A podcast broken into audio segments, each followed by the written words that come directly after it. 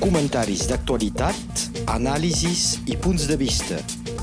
La crònica d'opinió amb el professor Joan Becat. El tenim aquí, Joan Becat. Molt bon dia. Ens Bon vols dia. parlar, doncs, de Putin que porta la guerra a Ucraïna. Sí, eh, la notícia va sorprendre tothom el dijous al matí. Vladimir Putin havia donat l'ordre d'atacar Ucraïna de tots cantons. Era premeditat perquè el discurs havia estat enregistrat tres dies abans al mateix lloc i al mateix decorat que per una al·locució on amenaçava. Criticava Ucraïna, li negava l'existència com a país i com a poble en un deliri d'arguments inexactes, eh, més inexactes els uns que els altres. Feia fredor per qualsevol historiador. Des dels atacs d'Hitler a Txèquia i Polònia, l'any 39, no s'havia vist un estat europeu atacar militarment un altre estat, amb una gran disproporció de mitjans militars sense provocació de l'assaltat i sense advertiments o contacte previs. Realment, me creia que no era més possible a Europa.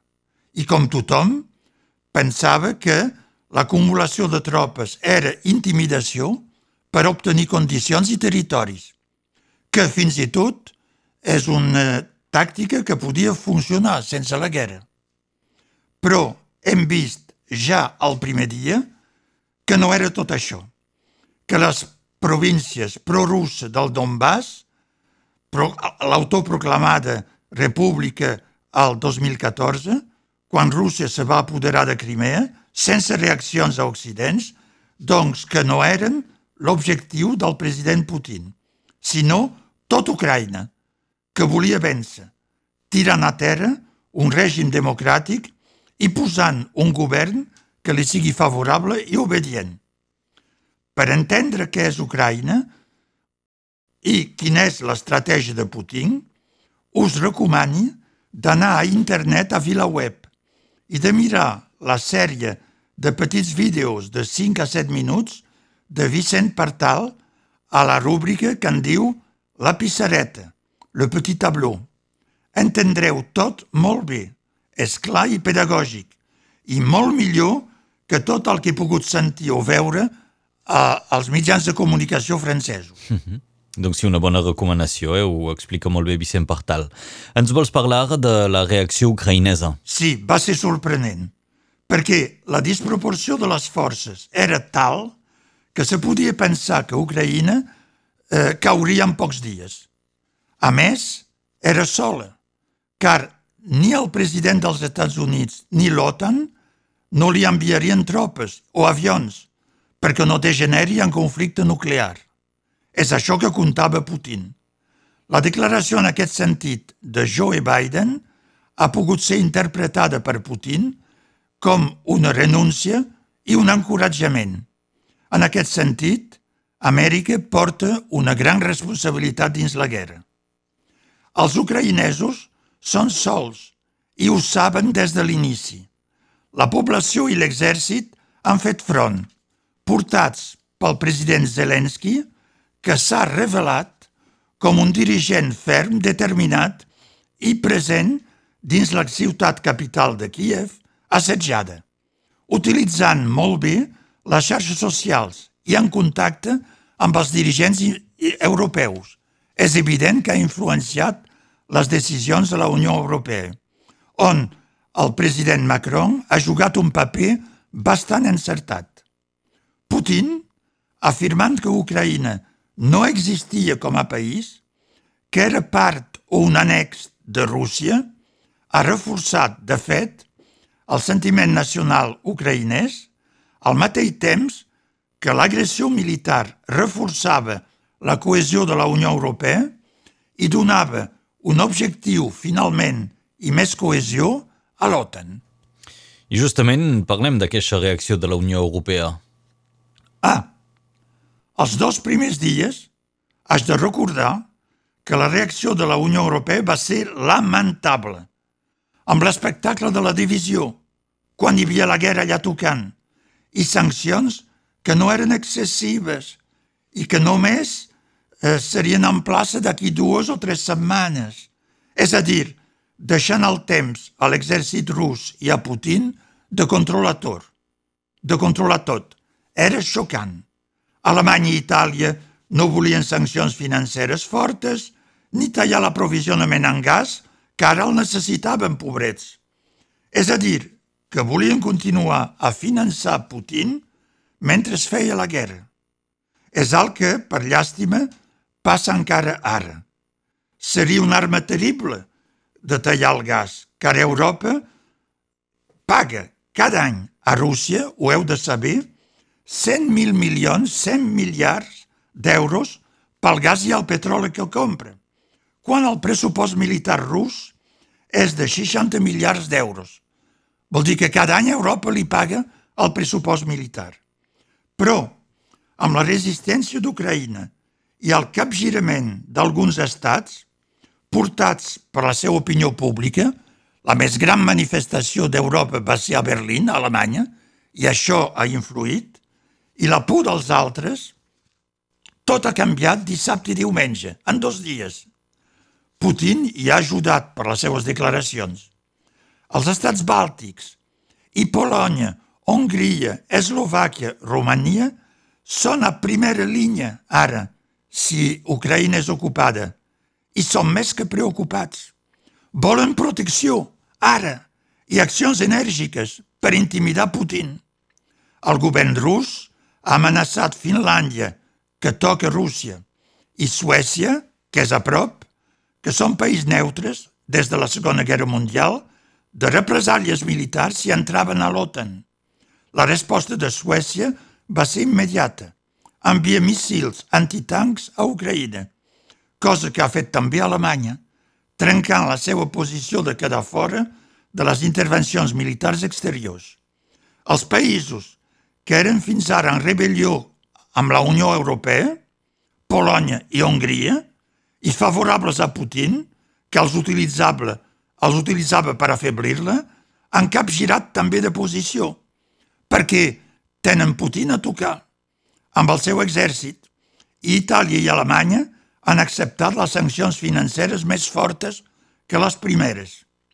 La presidència del Consell Europeu del president Macron i les peticions del president ucraïnès Zelensky han contribuït aconseguir la unanimitat en dos dies. Mai la Unió Europea havia estat tan decidida i tan ràpida. Fins i tot ha decidit comprar armes per Ucraïna. La resposta de Putin va ser de posar en estat d'alerta la seva força de dissuasió nuclear, és a dir, una amenaça desproporcionada i insensata, que les coses no, no li anirien tan bé com voldria. Això és l'indicació. És evident que fins i tot, si per Kiev, eh, si la pren i captura o mata el president Zelensky, que és el que, és el que vol, eh, doncs haurà de fer front a una resistència que tindrà armes. La guerra ràpida és una cosa. Ocupar i controlar un país més gran que França i poblat de 40 milions d'habitants, com Espanya, és una altra cosa. La conseqüència per a Europa eh, és que el projecte d'una força d'intervenció militar, que fins ara no es feia, pren més força, car sabem ara que és necessària. Mm -hmm.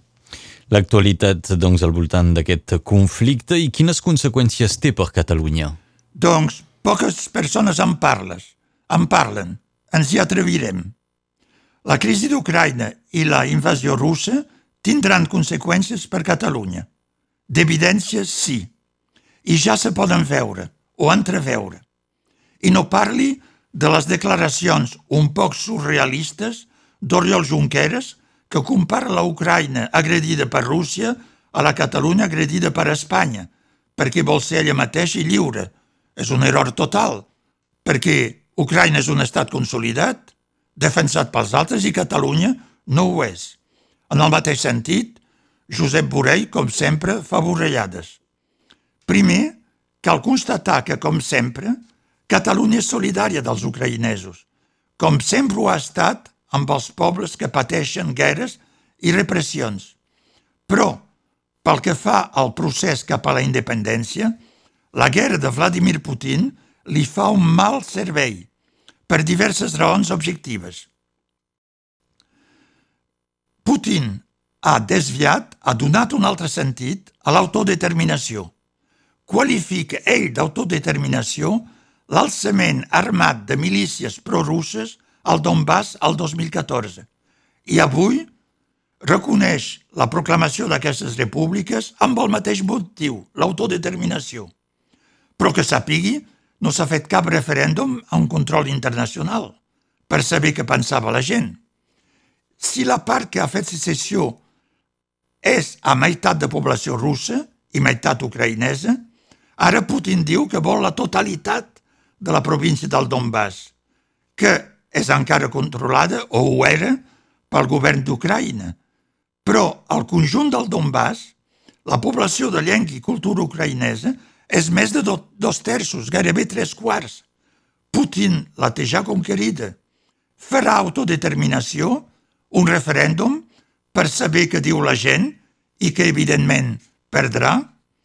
Tot això a la Unió Europea eh, i, evidentment, juga a favor d'Espanya. De fet, el que s'està jugant a Ucraïna és la integritat dels estats, amb el suport polític de la Unió Europea totalment solidària. Actualment juga a favor d'Espanya i contra Catalunya. S'hi afegeix que alguns dels pocs estats que semblaven o eren favorables a Catalunya, els estats bàltics, Ara tenen el mateix problema que Ucraïna.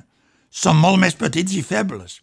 I Rússia no ha acceptat mai la seva secessió quan va caure la Unió Soviètica. Tenen contingents militars francesos, espanyols i d'altres països que hi estacionen per protegir-los. Recordeu que Espanya va enviar tropes i avions a aquests països perquè no reconeguin la declaració d'independència de Catalunya? Per tant, tenen altres preocupacions vitals que nosaltres. L'últim element és la decisió europea d'enviar armes a Ucraïna. És el mínim que podia fer, amb la caiguda i el control de la Bielorússia. La Rússia de Putin serà tocant a Polònia, a Eslovàquia, a Hongria, a Romania. Espanya és un dels fabricants i venedors d'armes i participarà, evidentment, en aquest esforç. És, doncs, un dels estats que se faran indispensables. Per tant, les conseqüències de la invasió d'Ucraïna no facilitaran el moviment independentista a Catalunya. En tot cas, mentre aquesta agressió no sigui resolta a favor d'Ucraïna.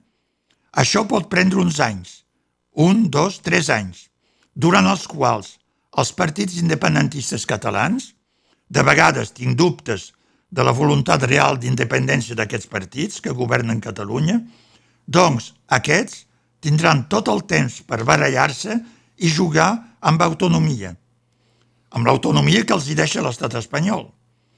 El que us dic no és pessimisme, és realisme, car deixarà el temps de consolidar el Consell per la República, que serà d'evidència l'estructura republicana de Catalunya sobre la base d'un referèndum ja fet. Els partits que no prenen cap iniciativa eh, perdran el suport popular. A més, una sentència favorable de la justícia europea tornarà a posar un dia d'aquests Espanya al seu lloc. És el que comentàvem arran d'aquesta guerra a Ucraïna. I una altra eh, conseqüència, veieu, col·lateral també té a veure amb les presidencials de l'estat francès. Sí, perquè ha posat la campanya entre parèntesis. En efecte, durant setmanes i mesos no s'ha parlat gaire de programes ni de les preocupacions majors dels francesos, el nivell, el cost de la vida, la salut, eh, l'accés als serveis hospitalaris, al medi ambient, el canvi climàtic i no pas als temes secundaris de Zemmour i l'extrema dreta. El resultat és que la campanya electoral no apassiona gens i ara eh, no se'n parla tant. A més, Mélenchon, Zemmour i Marine Le Pen tenien Vladimir Putin com a model i la gent eh, havia comprat, ella, la candidata del Rassemblement Nacional, eh, havia tingut préstec rus. Mélenchon ha rectificat, però eh, ha alterat la seva credibilitat tot això. Abans del cap de setmana, tots els candidats havien pujat. Han passat la vara dels 500 padrins Jean Lassalle, Yannick Jadot i Jean-Luc Mélenchon. Dupont-Aignan se n'apropa. Sembla que la iniciativa de François Bayrou i ara dels seus 180 batlles hagi portat fruits. Millor, eh, l'antieuropeu Asselineau, Philippe Poutou i Christian de Taubira semblen lluny. Semblen que no hi arribaran. El suspens és si Marine Le Pen i Zemmour hi arribaran en tres dies. Se n'apropen. Els hi falten 90 firmes. És molt i és poc. A veure si la invasió russa els hi passa factura. Doncs ho sabem ben aviat, perquè recordem que és eh, doncs, divendres eh, que es tanquen Sí. aquesta recollida de firmes. Joan Becan, moltes gràcies. Bon dia a totes i a tots. Comentaris d'actualitat, anàlisis i punts de vista. La crònica d'opinió amb el professor Joan Becat.